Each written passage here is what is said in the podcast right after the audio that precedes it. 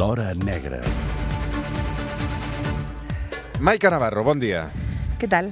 No, enfadat perquè m'has pres ja uh, l'espuma i ara quan dic les peix, uh, o sigui, totes les espumes, o- deixa'm situar els oients, um, els micròfons que hi ha a l'estudi de Catalunya Ràdio, tots porten incorporada una espuma radiofòmica amb el, eh, de, Amb el logotipo, Sí, amb el i que és de color groc de en color aquesta groc. casa tota la vida. I això és perquè a vegades hi han locutors que fem les pes que, que bufa una mica, allò que Ah. es diu que... Saps? Ah, I, això ho representa- amortigua. amor- Exacte. I ara uh, m'he deixat Sí, sense... però clar, el que no pot ser és que la Maica Navarro, amb la seva trajectòria radiofònica Sí, ui, sí. i el seu prestigi, amb Ui, aquesta sí. veu que a les 8 del matí no sap si és Maica o és Antonio Són- del Bombo, són quarts d'onze ja, doncs no em deixis, una, em deixis sense l'esponja, perquè a més a més jo de tant en tant, quan t'escolto, estic tan absolutament encantada que de tant en tant no m'adono compte i, i llepo l'esponja. Vaja. I llavors no vull llepar el micròfon. Quin També, piropo, ara, ara pensaria que és una mica una guarrada llepar la... Sí, no, aquí hi ha bacteris de tota mena. escuma, no? I de Com- tots com els es diu locutors. exactament? L'espumeta. L'espumeta. Sí, sí, sí. sí. Escolta'm bueno, una me la cosa. puc portar a casa i així jo la Sí, rento, home, serà la meva record. espumeta Sí, i ja, ja. serà que jo puc llepar, escopir, passar la llengua i tot allò que se'm passi pel cap. De regal. Vale. Uh, Maica Navarro, com és que vens tan de negre avui? Però és que negre de dalt a baix, eh? És a dir, samarreta, pantalons i, i bambes. No sé si vens de dol ara acabo de ficar la pota. Les calces i les mitges també són negres. Uau. Així no és, així no és de dol.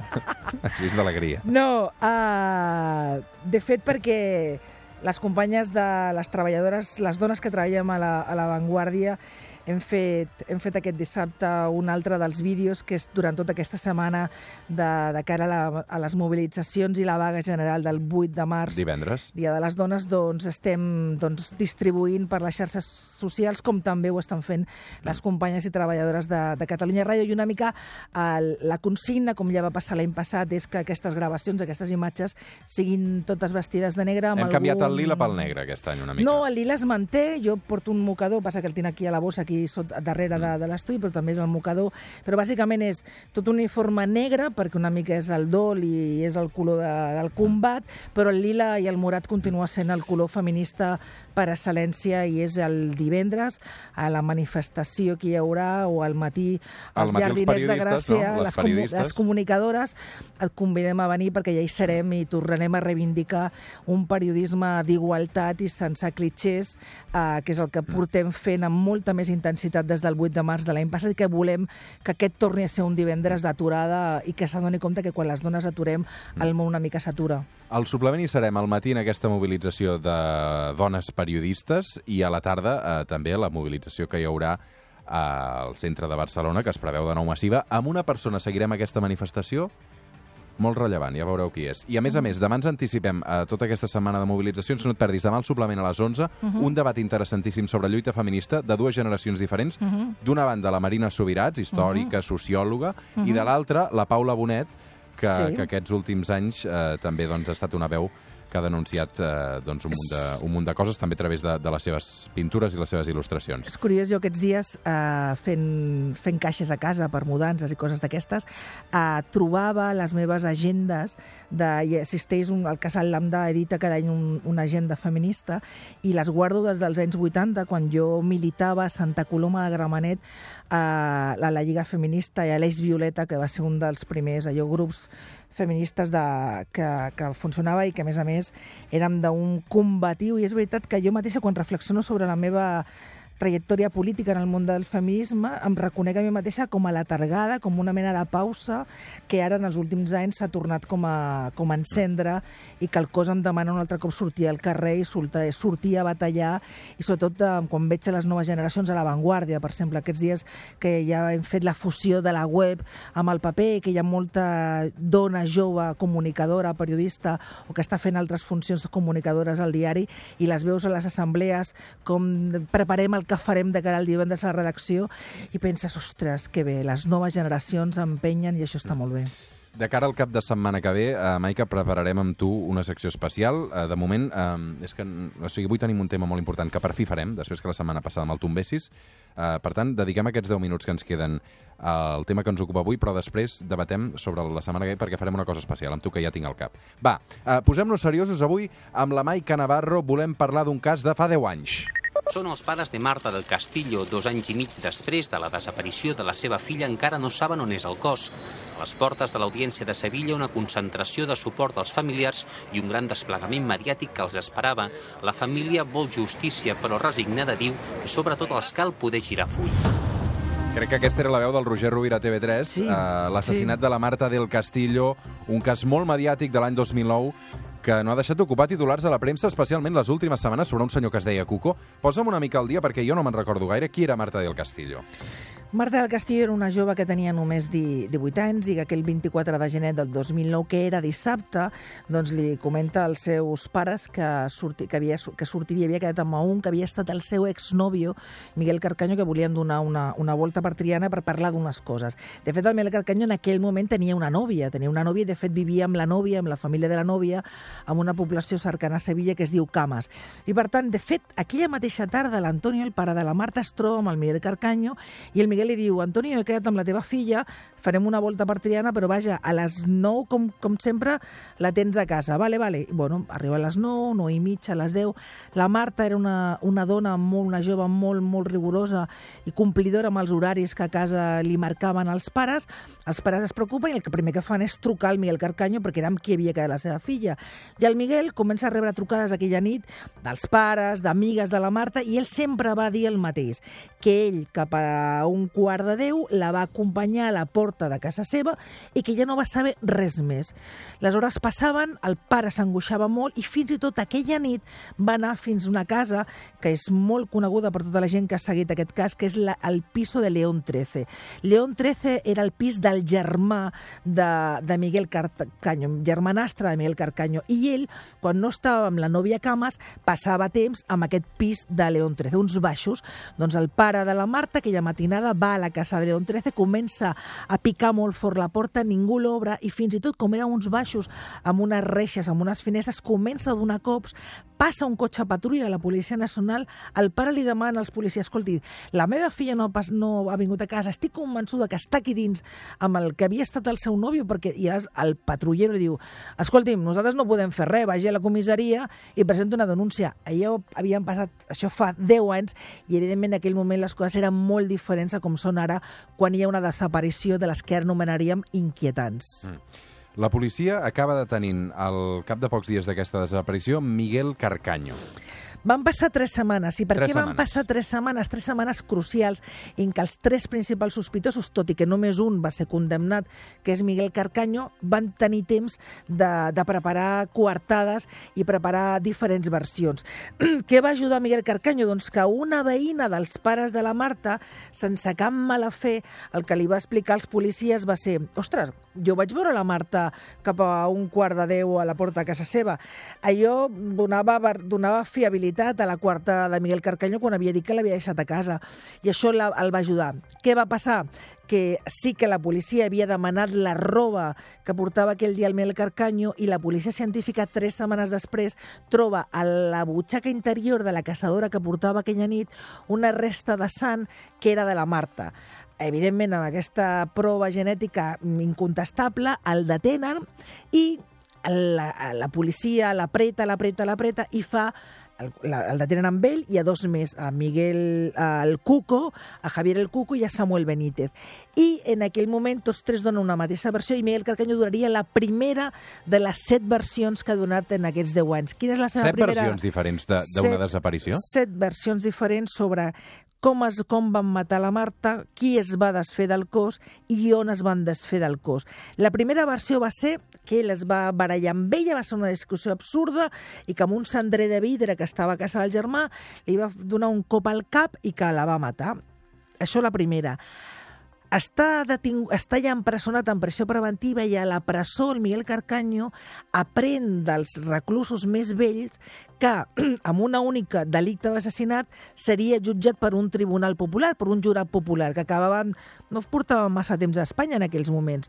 I el que li diuen és, tio, no siguis burro, eh, torna a demanar a declarar, inventa't un altre delicte perquè sigui un jurat professional i no un popular que sempre són més benèvols i a més a més en un cas com el teu, que hi ha tanta pressió popular, la Marta, els pares de la Marta, i tot Sevilla buscant a la Marta i mitja Espanya buscant a la Marta, doncs demano. I què fa? Doncs quan portava un mes a, a presó, demana tornar a declarar, el treuen de la presó i davant de la jutge que diu que no, que ell estava amb el Cuco, el petit, que en aquell moment era menor d'edat, i que la Marta la porten a la casa de León XIII i que la intenten violar, que la intenten violar, que ella resisteix i que el Cuco l'ofega amb un cable de telèfon.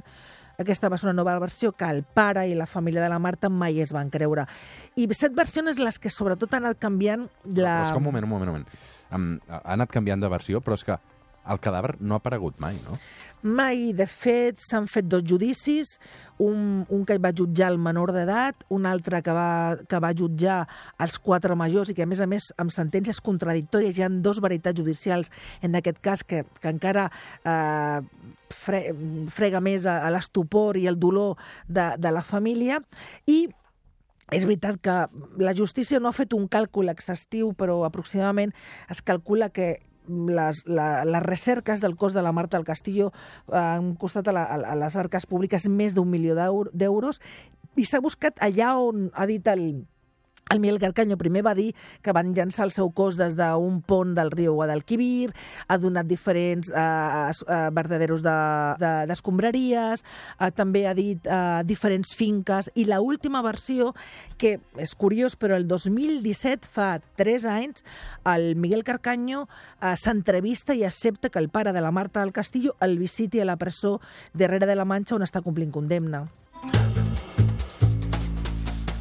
Avui al suplement l'assassinat de Marta del Castillo 10 anys després, perquè han passat eh, 10 anys, eh, Maica, i encara no sabem exactament què va passar, i això provoca, evidentment, una desesperació, sobretot de la família, que eh, necessita almenys saber què va passar realment amb la seva filla i, i, i, i com a mínim trobar un, un, un... el cadàver, no? Sí, bàsicament, en aquesta reunió que et dit de febrer del 2017, eh, en què l'Antonio del Castillo ho explica d'una manera molt colpidora, perquè diu que ell és el que li demana al Carcanyo que, el, que el rebés a la presó, el Carcanyo accepta aquesta visita, imagina't, l'escena és, un, és una habitació sense finestres, amb una única eh, taula de fusta, amb dos cadires, un funcionari de presons que estava present sent recostat una paret per si el pare tenia alguna reacció violenta cap a, cap a Miguel i quan el pare entra, que el Miguel ja hi és, el primer que fa el, el Miguel Carcanyo li, dona la, li, li, li deixa anar la mà per, per saludar-lo i ell accepta el salut i el pare del Mar, de la Marta li ha de donar les gràcies per, per, per, per haver-lo deixat anar. El Miguel Carcanyo dona la que ha estat l'última versió i, i que els pares donen credibilitat i en aquesta última versió el que diu el Miguel és que la Marta estava a casa de León XIII, que estava el seu germà Javier, que tots dos germans es barallen pel pagament del lloguer del pis, de l'hipoteca del pis, i que de sobte la Marta es posa pel mig per defensar el Miguel, i que el Javier, que té, té unes reaccions molt violentes, que en aquell moment treballa de vigilant de seguretat privat, agafa la, el cul de la seva pistola i li dona un cop al cap i l'assassina.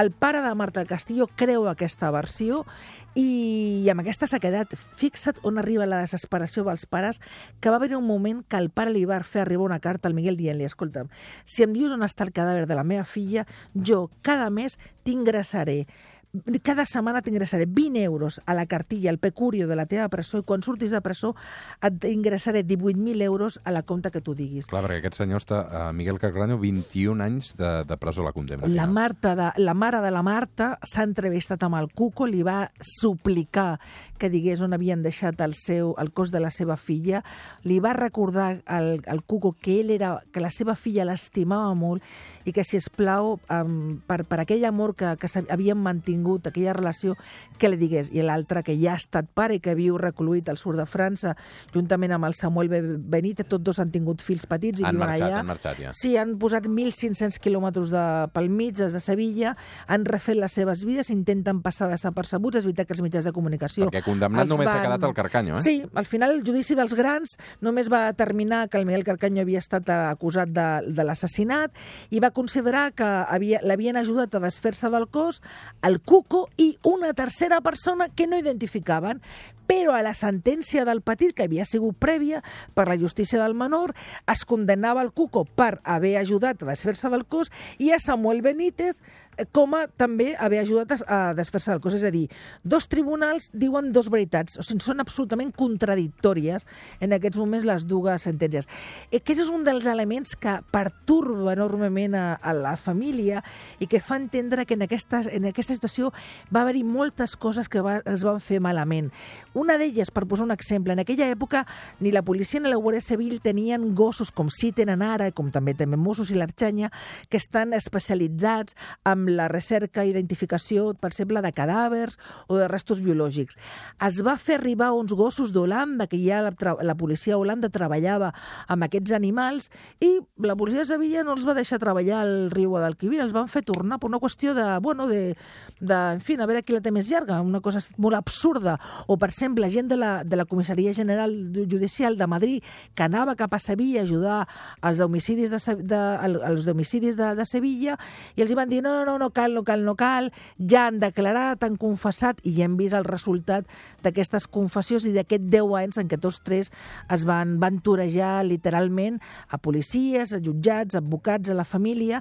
I aquesta família on l'avi de la Marta cada dia en aquests 10 anys, cada dia, els 365 dies, cada matí, cada matí, surt de casa seva amb un grup de col·legues a buscar el cadàver de la seva neta. déu nhi hi ha una, eh, cada família desaparegut gestiona el dolor i la pèrdua d'una manera diferent. I ells necessiten trobar El on cos, està cos, sí, sí. per deixar flors, per resar-la, sobretot per rescatar-la dels que ells senten com abandonament, soledat. És una, una situació molt especial que només entens quan te l'expliquen ells directament. Com a última dada curiosa, eh, ningú no vol viure al pis on en, presumptament es va produir aquest assassinat de, de la Marta, no l'han aconseguit vendre a la ni immobiliària. aquesta de León XIII, ni la casa en la que es va assassinar una, un pazo a les afores de Santiago, Assumpta, a, a, la, a la petita Assumpta. Mm. Hi ha moltes finques que es consideren maldites i que quan cauen a mans dels bans per impagaments són impossibles, com és el cas de la finca de León XIII, és una finca maldita on hi ha molta gent a Sevilla que canvia de vorera per no passar al costat. Maica Navarro, moltes gràcies. Vinga, ens veiem a la mani. Ens veiem a la manifestació de divendres que ve. Fem una pausa i tornem.